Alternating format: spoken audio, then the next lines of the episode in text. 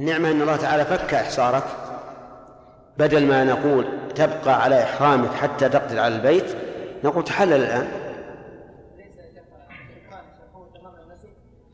لا لا. الشكران يكون بتمام من نسك ويكون بالتسهيل على العبد. نعم فؤاد. إيش؟ إي نعم. هذه التطوع مو الواجب لا هذه واجب. لا بد أن يكون كالأضحية تماما. لا بد أن يبلغ السن المعتبرة ولا بد أن يخلو من من, العيب. التطوع أي شيء يجزي نعم. الانسان عين عين وكانت الاضحيه هذا ولا هو مسافر مثلا ولا هديه ما ما مسافر كان أنكسر ولا مثل مثل يعني انكسر ولو أن يأكله ويعطيه أصحابه. ويضمن هو يلزم نفسه يفعل هذا. اي لا هذا لا يمكن لأنه لأنه قادر على على على ذبحه بنفسه. لكن الفقراء يا شيخ يتعذرون بعض بعض هو يجب يجب. إذا انكسر يجب. نعم لو فرضنا إنه وصل إلى حد لا يمكن إجزاؤه فهذا ربما يقال إذا ذبح إذا ذبح البدل اكتفى. مع أنه مر علينا فيما سبق أنه يجوز الإنسان إذا عين إذا عين أن يبدله بخير منه. فلو قال أنا لما انكسر الآن أو لما حصل فيه شيء أنا أريد أن أبدله بخير منه. فإذا جاز لي أن أبدله بخير منه بغير سبب فهذا من باب أولى. لكن الأضحية يأكل منها ويتصدق ويهدي. الهدي الواجب الهدي الواجب عرفنا قبل قليل أن ما وجب لتمتع أو قران فإنه يؤكل منه. وما وجب لترك واجب أو لفعل محظور فإنه فيه الخلاف. والصحيح أنه لا يأكل منه. نعم. أربعة؟ طيب. فصل فيما يجزئ من وجب عليه هدي ومن وجب عليه دم أجزأه ذبح شاة أو أو ذبح شاة أو سبع أو أو سبع بدنة أو يعني أو ذبح سبع بدنة؟ ها. ومن وجب عليه دم أجزأه ذبح شاة أو سبع بدنة أو بقرة لقول ابن عباس في هدي المتعة شاة أو شرك في دم فإن ذبح طبعا الشرك أحسن لأن الشرك هو الذي يوضع يصطاد يصطاد به. أو شرك لقول ابن عباس في هدي المتعة شاة أو شرك في دم فإن ذبح بدنة فإن ذبح بدنة احتمل أن يكون جميعها واجبا. كما لو اختار التكفير بأعلى الكفارات واحتمل أن يكون سبعها واجبا وباقيها تطوعا لأن سبعها يجزئه فأشبه ما لو ذبح شياه. نعم. سبع شياه. فأشبه ما لو ذبح سبع شياه.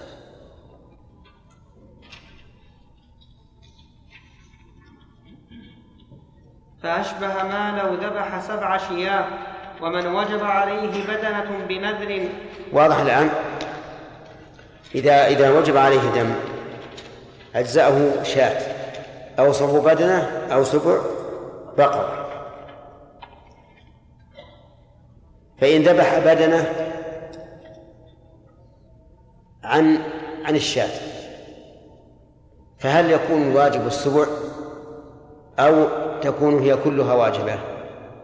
ذكر فيها احتمالين. والظاهر أنه على حسب ما نوى. إذا ذبح بدنة فنواها فنوى سبعها فقط صار الواجب السبع والباقي لحم يفعل به ما شاء. وإن نواها مطلقا عما وجب في ذمته فهل يقال إنه يثاب ثواب الواجب على سبع منها والباقي يثاب ثواب التطوع أو يقال ينسبح ينسحب حكم الواجب على جميعها لأن الواجب لم يتميز. نعم. الظاهر الأول أنه أنه ينسحب على جميعها لأنه لم يخصص السبع للواجب.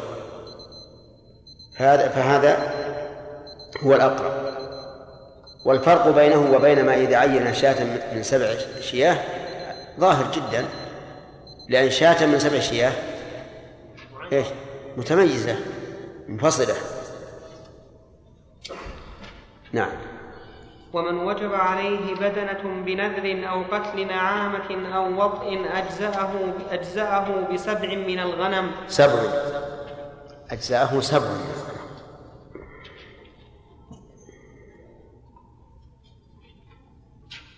أجزأه سبع من الغنم لأنها معدولة بسبع والشياه أطيب لحما.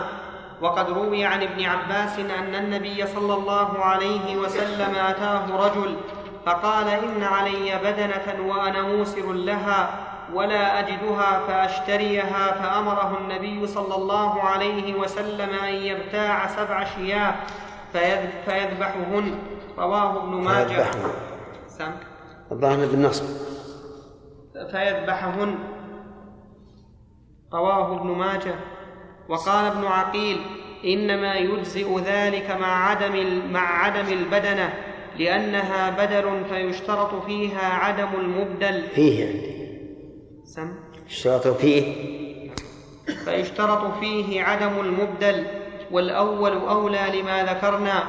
وإن وجبت عليه بدنة لكن قال بعض أهل العلم هذا صحيح أن سبع شياه تجزى عن البدنة والبقرة لأنها أطيب لحما وأكثر نفعا إلا في جزاء الصيد. فإن الشياه لا تجزى عن البدن وذلك لأن المعتبر في جزاء الصيد المثلية وهذه تفوت. فلو ذبح سبع شياه عن نعامة فإنه لا يجزى.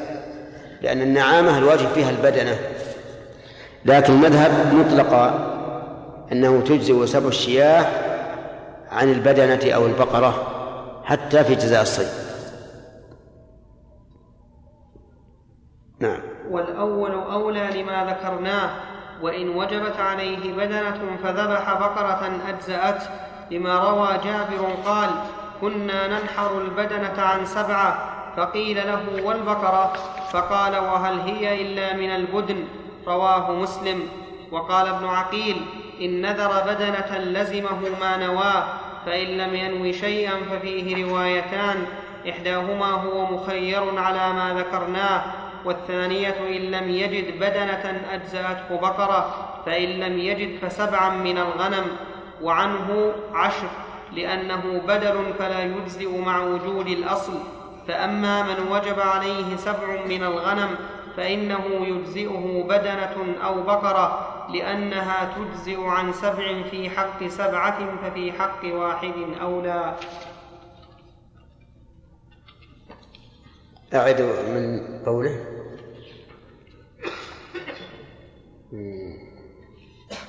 وإن وجب عليه بدنة.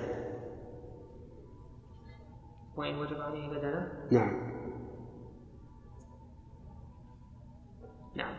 وإن وجبت عليه بدنة فذبح بقرة أجزأته لما روى جابر قال كنا ننحر البدنة عن سبعة فقيل له والبقرة فقال وهل هي إلا من البدن رواه مسلم وقال ابن عقيل إن نذر بدنة لزمه ما نواه فإن لم ينو شيئا ففيه روايتان إحداهما هو مخير على ما ذكرناه والثانية إن لم يجد بدنة أجزأته بقرة. إن لم يجد البدنة. تصحيح. إيه بأل نعم أوضح.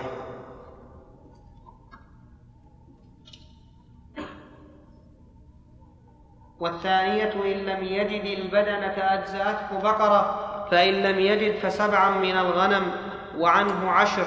لأنها بدل فلا يجزي. لأنه. لأنه بدل فلا يجزئ مع وجود الأصل. فأما من وجب عليه أفهمتم هذا؟ معلوم. طيب. إذا إذا وجب عليه بدنة فذبح عنها بقرة تجزي أو لا؟ تجزي لكن ينبغي أن يقال إلا في جزاء الصيد. لأن الصيد لا بد فيه أن يكون مثله. ف يقول فإن لم وقال ابن عقيل إن نذر بدنة لزمه ما نواه. فإن لم ينوي شيئا ففيه روايتان إحداهما مخير على ما ذكرنا مخير بين إيش؟ بين البدنة والبقرة على ما ذكرنا والثانية إن لم يجد البدنة أجزأته بقرة. وهذه رواية أولى. لأنه إذا نذر البدنة ثم قلنا تجزئ البقرة فقد أجزأ الأدون عن عن الأعلى فالبعير أكثر لحما. والبقر أيضا عند بعض الناس لا لا يؤكل. نعم فالصواب أنها لا تجزي اللهم إلا إذا كان الناس يحبون أكل لحم البقر أكثر مما يحبون أكل لحم الإبل فحينئذ قد يقال بالإجزاء لأنها وإن كانت أقل حجما فهي أرغب عند الناس وأطيب. و وإذا وجب عليه سبع من الغنم فهل تجزئه بقرة أو بدنة؟ الجواب نعم. وقيل إنها لا تجزي ولكن ينبغي أن يقال بالإجزاء ما لم يكن ذلك في جزاء الصيد فإن جزاء الصيد لا بد فيه من المماثلة. وقوله فإن لم يجد سبع من الغنم وعنه عشر. عشر من الغنم. لأن بعض العلماء رحمهم الله قال إن البعير عن عشر وإن البقرة عن سبع. وقال بعضهم البعير عن عشر في الأضحية والبقرة عن سبع. أما في الهدي فكلتاهما عن سبع. لأنه ورد في بعض الأحاديث أن النبي صلى الله عليه وسلم ضحى مع أصحابه وأنهم ذبحوا عن عن البدنة عشرا. لكن المشهور عند أكثر أهل العلم أن البدنة والبقرة كلتاهما عن سبع. نعم.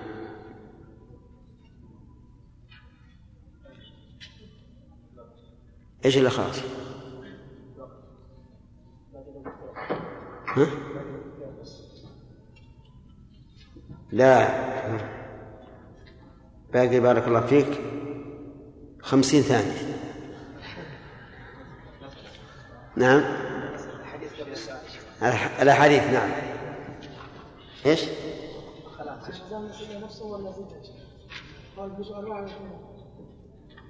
ما فهمت النظام إيش النظام؟ النظام إن كل طالب له سؤال. إيه؟ ما هذه ما هي أسئلة هذه؟ تخريج. نعم. خلاص؟ سامح؟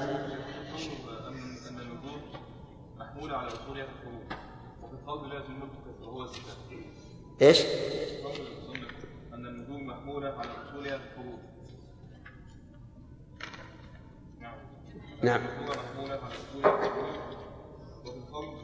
والزكاه. كيف؟ هذا التعليم ما هو حكم هذا. نعم. إيه غدا إن شاء الله.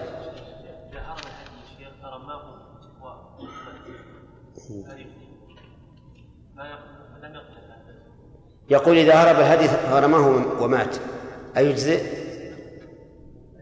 الجواب نعم لأن لأن هذه لها أوابد كما قال كأوابد الوحش.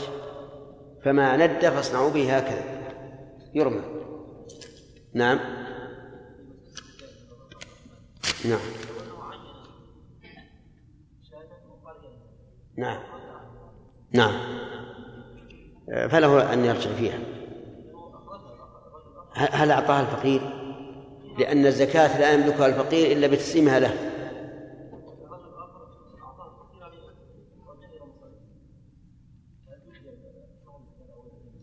لا لا بد من نية لا بد من التوكيد ذكرنا الفرق أن هذه تتعين بالتعيين الهدي. وأما الزكاة فلا تتعين بالتعيين. إيه لو قال هذه الزكاة ما تعين ما تعين. كما لو أخرج دراهم بيده قال هذه الدراهم بتصدق بها.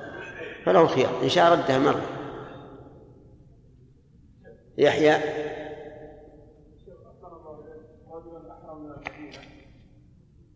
نعم.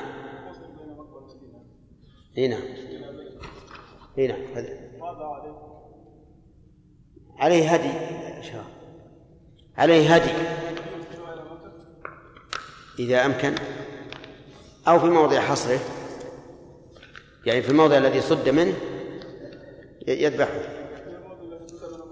نعم. لا يمكنه. لا هذا ولا هذا. يبقى حتى يقدر على هذا. حتى يقدر على البيت.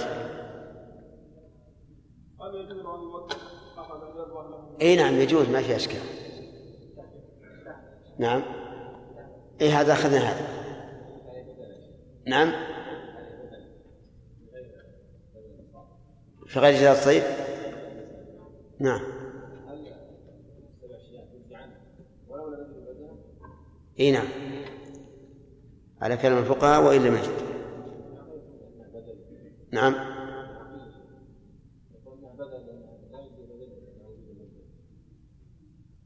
هذا رأي خلاف المذهب.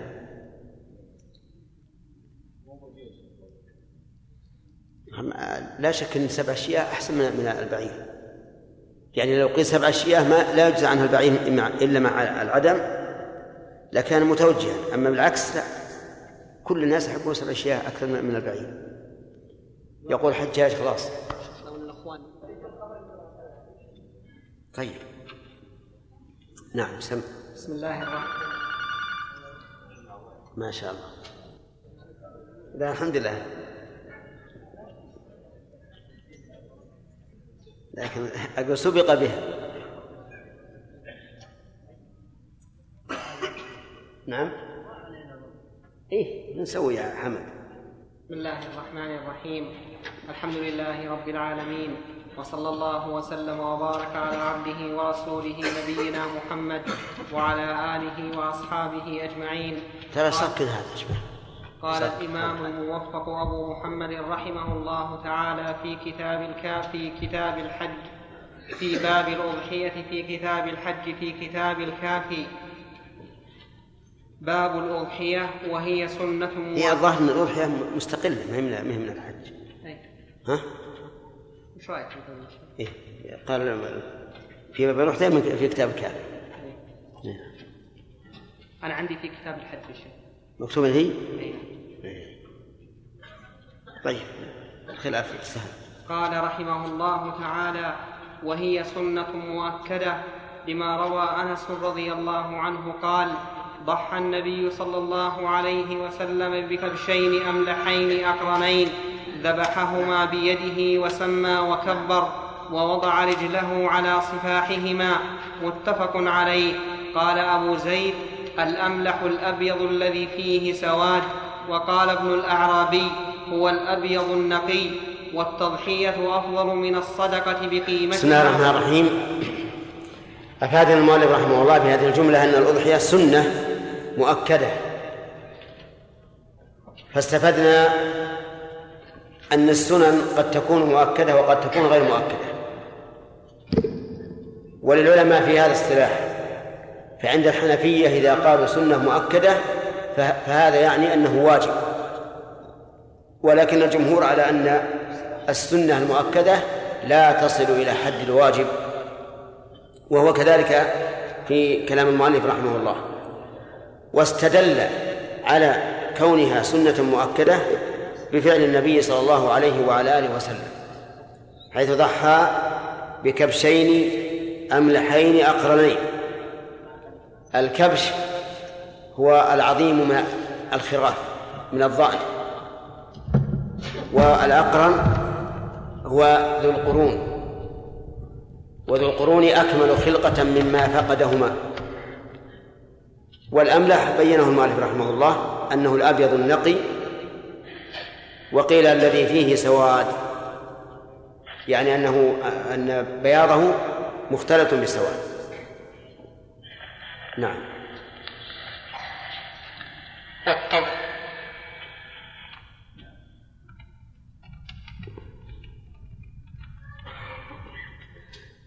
أهل البحرين. السلام عليكم. وعليكم السلام ورحمة الله وبركاته. فقدناكم البارحة. والله يا شيخنا كنا نتصل طول الوقت إلى نهاية الوقت. ها. كان خطكم مشغول. اي الظاهر فيه خلل. يعني ما صلح الا إلا قبل قليل. لكن إن شاء الله. ان شاء الله لابد مسجلينها الأخوان. ما تفوت إن شاء الله. إن شاء الله. نعم. الآن نحن بدأنا الدرس باب الأضحية وأنها سنة مؤكدة. والسنة المؤكدة دون الواجب لكن المؤلف افادنا رحمه الله أن السنة تكون مؤكدة وغير مؤكدة. إلا عند الأحناف فالسنة المؤكدة هي- هي الواجب. نعم. والتضحية أفضل من الصدقة بقيمتها لأن النبي صلى الله عليه وسلم آثرها على الصدقة وليست واجبة لأن هذا صحيح. التضحية أفضل من الصدقة بثمنها. حتى وإن كان في الناس مجاعة فإن الصدقة بها فإن الأضحية أفضل. ولهذا لما حصلت مجاعة في المدينة في عام من الأعوام أمر النبي صلى الله عليه وعلى آله وأصحابه وآله وسلم أن لا يدخروا فوق ثلاث. يعني أن يوزعوا اللحم كله لا يزيد على ثلاثة أيام. وفي العام الثاني بين لهم أنه إنما نهاهم عن الادخار بعد ثلاث أو فوق ثلاث من أجل الدافة التي دفت وأن لهم أن يأكلوا ويدخروا ما شاءوا. فدل هذا على أن ذبح الأضحية أفضل من الصدقة ولو كان هناك مجاعة وهو كذلك. لأن ذبح ذبح الأضحية أهم ما فيه التقرب إلى الله عز وجل بالذبح. قال الله تعالى لن ينال الله لحومها ولا دماؤها ولكن يناله التقوى منه. فيحصل بالأضحية التقرب إلى الله بالذبح والصدقة. ويدل لذلك أن الله قارن النحر بماذا يا يحيى؟ بماذا قارن الذبح؟ بالصلاة لكن يبدو أن الخاطر سارح. لا يا أخي لا تسرح. قرنه بالصلاة فقال قل إن صلاتي ونسكي ومحياي ومماتي لله رب العالمين. وقال تعالى فصل لربك وانحر. اقلب الشريط. فذبحها أفضل من الصدقة بثمنها لما يترتب على الذبح من القربان والتقرب إلى الله عز وجل. نعم. وليست واجبة لأنه روي عن أبي بكر وعمر رضي الله عنهما أنهما كانا لا يضحيان عن أهلهما مخافة أن يرى ذلك واجبا. وروت أم سلمة عن رسول الله صلى الله عليه وسلم أنه قال إذا دخل العشر وأراد أحدكم أن يضحي فلا يأخذ من شعره ولا من أظفاره شيئا حتى يضحي رواه مسلم. وقال القاضي هذا أولا نفى المؤلف الوجوب. والمسألة فيها خلاف بين أهل العلم. وقد بسطنا ذلك في كتابنا كتاب الأضحية والزكاة. فمن أراد أن يتوسع في هذا فليرجع إليه. وظاهر كلام شيخ الإسلام رحمه الله أنها واجبة لأنها شعيرة من شعائر الإسلام الظاهرة ولأن الله تعالى عوض بها المسلمين في بلادهم عن الهدي الذي يشرع للحجاج. فهناك آيات وأحاديث تدل على الوجوب. وأما ما ذكره رحمه الله عن عن أبي بكر وعمر رضي الله عنهما فمن المعلوم أن أبا بكر وعمر أن قولهما حجة لكن إذا خالف النص فالعب- فالعبرة بالنص. ثم أعلم أن من العلماء من استدل بالحديث الذي أورده المؤلف عن أم سلمة على أن الأضحية ليست واجبة لقوله وأراد أحدكم أن يضحي ولكن هذا لا لا ينفي الوجوب.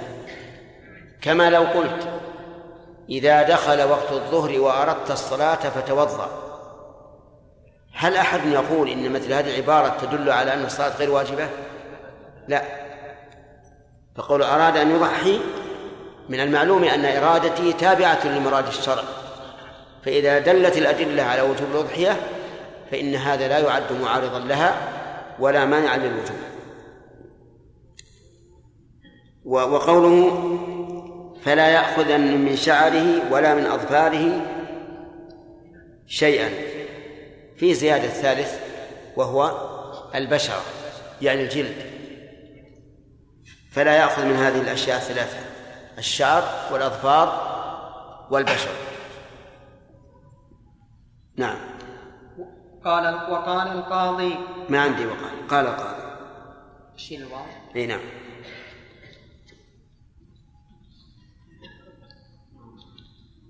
قال القاضي هذا نهي كراهية لا تحريم بدليل قول عائشة كنت افتل قلائد هدي رسول الله صلى الله عليه وسلم ثم يقلدها بيده ثم يبعث بها ولا ولا يحرم عليه شيء أحله الله ولا يحرم عليه شيء أحله الله له حتى ينحر الهدي متفق عليه.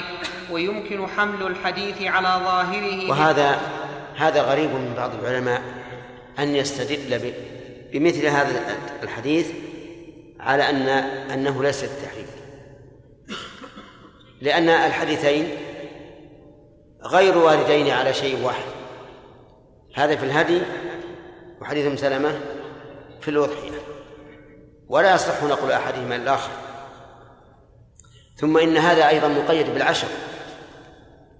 والهدي الذي يبعثه الرسول عليه الصلاة والسلام هل هو في العشر أو في غيره؟ يعني غير غير مبين في الحديث. فكيف يعارض به حديث أم سلمة؟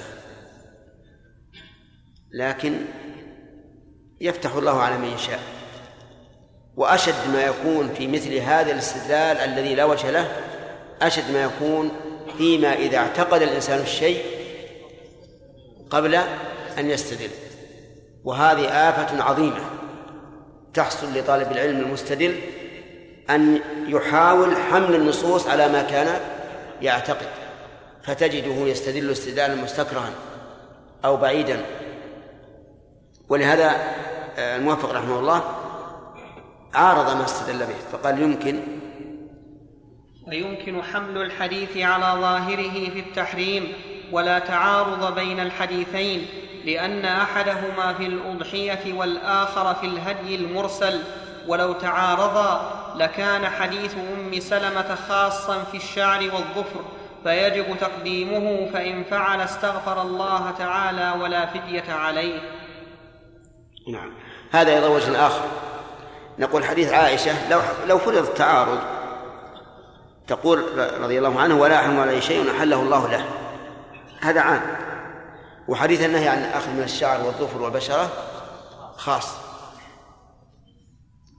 واختلف العلماء لماذا نهي عن أخذ الشعر والظفر. فقيل لأن الأضحية فدية تفتي الإنسان من النار فينبغي أن يكون الفداء واقعا على على جميع أجزاء البدن. وهذا التعليل عليه. أولا لأن لأن كونها فدية يتقي بها الإنسان النار فيه حديث ضعيف لا تقوم به حجة. وثانيا أن أن نقول إذا أعتق الله الإنسان العبد عتق كله سواء أخذ من أطفاله أم لم يؤخذ.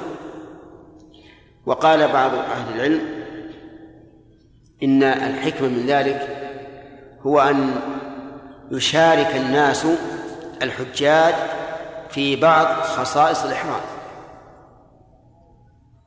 لأن الإحرام لا يؤخذ من الشعر ولا من الظفر. فمن أجل المشاركة نهي عن الأخذ من ذلك. وقيل إنه تعبدي. بمعنى أن أن العلة في ذلك هو نهي الرسول صلى الله عليه وعلى آله وسلم. وهذا أسلم. أما أن يتمحل الإنسان عللا يعني غير مضطردة فهذا لا ينبغي. نعم. فصل فيما يجزئ في الأضحية ولا يجزئ إلا بهيمة الأنعام لقول الله تعالى ليذكروا اسم الله على ما رزقهم من بهيمة الأنعام ولا يجزئ وما هي عقيل بهيمة الأنعام؟ وهي ثلاثة وهي الإبل والبقر والمعز. خطأ. آدم. الإبل والبقر والغنم. ما الفرق بين قولك وقول العقيل إيه. يعني معناه إنه أخرج نعم. طيب. وسميت بهيمة لأنها لا تتكلم. نعم. ولا يجزئ إلا الجذع عن الضأن الا إلا. ولا يجزئ إلا الجذع عن الضأن. من. من الله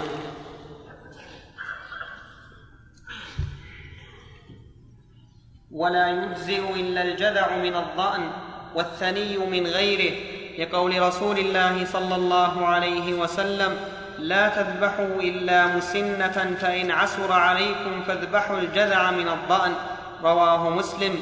والثنية من البقر هي المسنة ومن الإبل ما كمل لها خمس سنين قاله الأصمعي. ويستحب استحزاء ويستحب استحزاء أو لا بد أن نعرف إلا الجذع من الظأن ما هو الجذع من الظأن ما تم له نصف سنة. وله علامة وهو أن ينام الشعر على ظهره. قبل أن ينام الشعر على ظهره لم يكن أجدع. فإذا نام الشعر على ظهره صار ذلك علامة على أنه صار جذعا أما الثني من الإبل من الغنم فما له سنتان. صح؟ ما له سنة. ومن البقر سنتان. ومن الإبل خمس سنوات. نعم.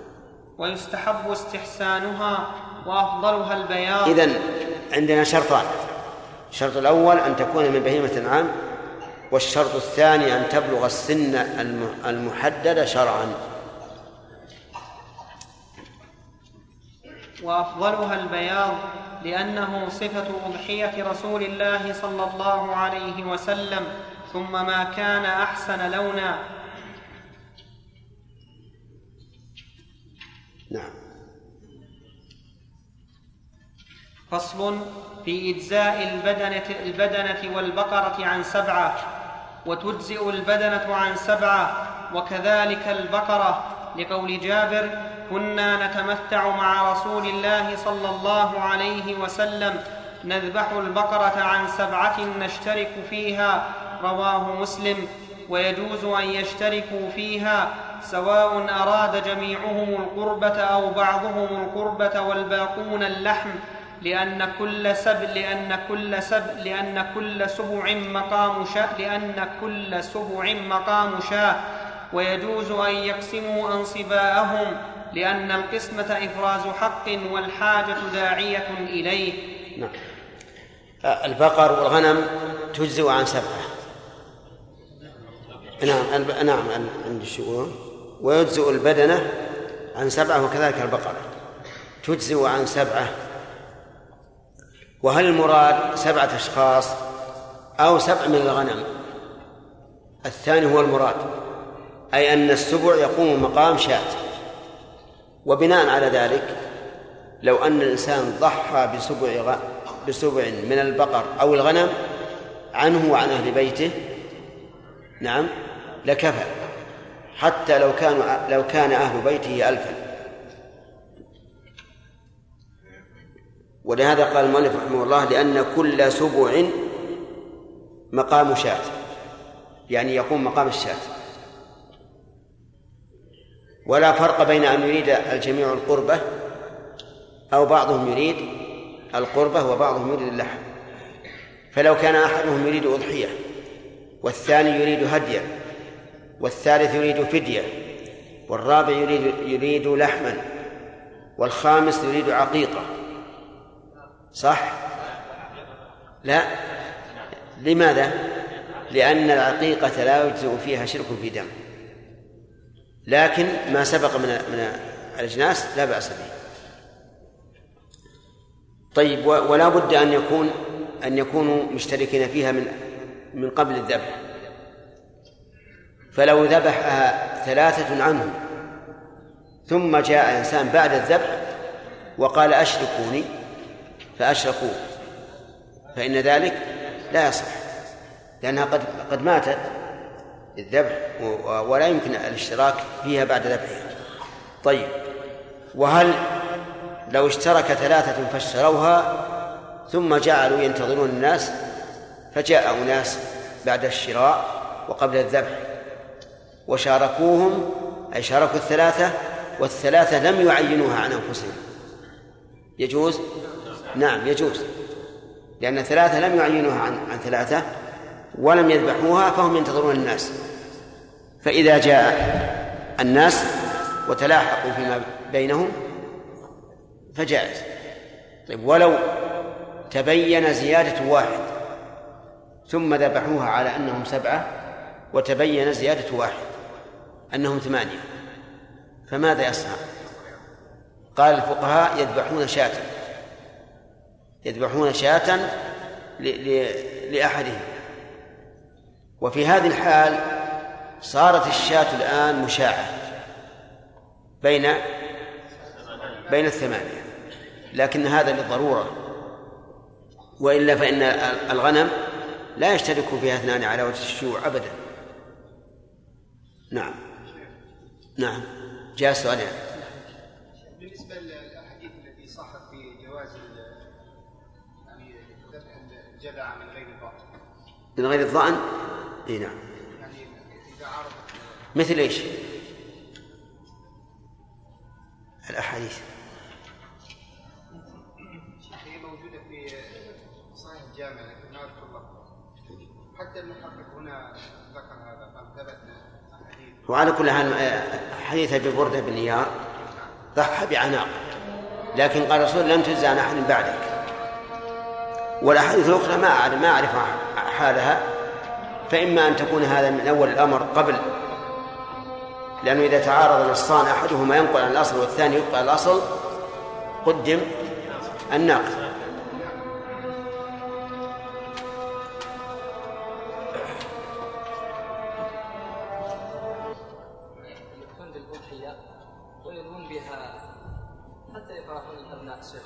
إيش؟ يأتون بالأضحية. نعم. فهل هذه تكون مجزئة ولا لا؟ إي نعم. تجزئ ما دام نوى التقرب إلى الله عز وجل وإن فرح الأولاد. يا شيخ غير التقرب إلى الله؟ ها؟ غير التقرب إلى الله؟ ها؟ قد لا يدري أنها سنة. إي. إذا لم اذا إذا لم يعلم أنها سنة فإنما الأعمال بالنيات. نعم زهير؟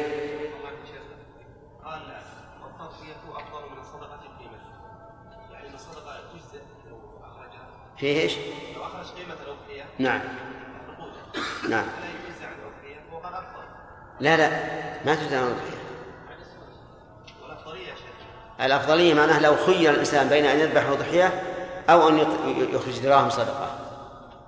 قلنا ذبح الأضحية أفضل مع أن الأضحية سوف يأكل منها وينتفع.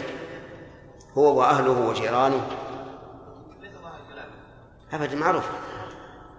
ليس معناه أن أن أن الصدقة تجزى عن الأضحية نعم شرافي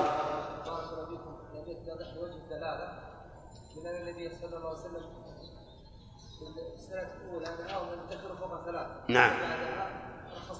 نعم نعم لكن هل ينتفعون به كما ينتفعون بال- بالبر والقمح وما أشبه ذلك؟ لا لا ينتفعون. إيه لا ينتفعون يعني ما في ما في شك. لأن اللحم أولا أنه مو بغذاء كامل ليس هو القوت عند أهل المدينة. فالقوت عندهم هو الشعير والتمر هذا أغلب ما يكون عندهم. نعم يا سليم. أربعة. انتظر انتظر يا سليم جزاك الله خير. فصل في استحباب نحر فصل في استحباب نحر الهدي بيد صاحبه. ويستحب أن ينحر الهدي والأضحية بيده لحديث أنس أنا عندي أن يذبح عندكم إيش؟ إيه. اجعلوها نسخة لأن الواقع الواجب الواقع أن الذبح أكثر الذبح يكون في الإبل. ويكون الذبح يكون في البقر ويكون في الغنم نعم لحديث أنس ويجوز أن يستنيب فيه لما ذكرنا في الهدي ويجوز أن يستنيب كتابيا لأنه من أهل الزكاة ولا يستحب وقيل لا يجوز أن يستنيب ذمي كتابيا. والكتابي هو اليهودي والنصراني. وعللوا ذلك بأنه ليس من أهل القربة. فإذا لم يكن بنفسه من أهل القربة فلا يكون نائبا عن من هو من أهل القربة أي نعم. هذا والله يقول لقد قررتم أن تذكروا السؤال قبل الإجابة لتعم الفائدة ولم يتم القرار إلا درسا واحدا فقط. صحيح ننسى. والخادم أيضا نبهني عليها البارحة لكن نسيت. نعم. و... نعم. إيش؟ الصحيح أنه لا لا يصح. لا يصح. اللهم إلا عند الضرورة وإلا فلا يصح. ولا يستحب أن يذبحها إلا مسلم لأنها قربة فالأفضل أن لا يليها كافر بالله وعنه لا يجوز أن يليها كافر لذلك. آه. هذه المسألة. ويستحب لمن استناب أن يحضرها لما روى أبو سعيد أن رسول الله صلى الله عليه وسلم قال لفاطمة احضري أضحيتك يغفر لك بأول قطرة تقدر تقطر من دمها ويقول عند الذبح بسم الله والله أكبر لحديث أنس وإن قال اللهم هذا منك ولك آه، سمع عامي خطيبا يخطب فقال ويقول الله أكبر وجوب أي ويقول بسم الله وجوبا والله أكبر استحبابا. فلما أضجع, أضجع ذبيحته قال بسم الله وجوبا والله أكبر استحبابا. وهذا نتيجة للاختصار البالغ. يعني لو أن الخطيب قال يقول بسم الله والله أكبر. أما بسم, بسم الله فواجبة وأما الله أكبر فسنة. لكن أوضح. لأن العام وش فيها؟ أن هذا وصف للحكم. إي نعم. فنبهته على هذا أخشى أن يخطب أحد منكم مثل هذه الخطبة فيقع الزلل. ويقول عند الذبح بسم الله والله أكبر لحديث أنس. وإن قال اللهم هذا منك ولك اللهم تقبل مني أو من فلان فحسن. لما روى جابر أن النبي صلى الله عليه وسلم قال على أضحيته اللهم هذا منك ولك عن محمد وأمته بسم الله والله أكبر ثم ذبح. وفي رواية قال بسم الله اللهم تقبل من محمد وآل محمد وأمة محمد. ثم ضحى. رواه مسلم. كيف؟ وش عنده محمد وآل محمد وأمة محمد. نعم. إيه لا خلينا نجي. ما دام في مسلم يرجع للأصل. اللي بيخرجه يأتي بالأصل. ثم ضحى رواه مسلم وليس عليه أن يقول عن فلان لأن النية تجزئ. وإن قال عن فلان فهو جيد. كما يقول اللهم تقبل هذا عن محمد وآل محمد يقول هذا عن فلان. نعم. أي في البلوغ. ولا الرجوع للأصل أحسن.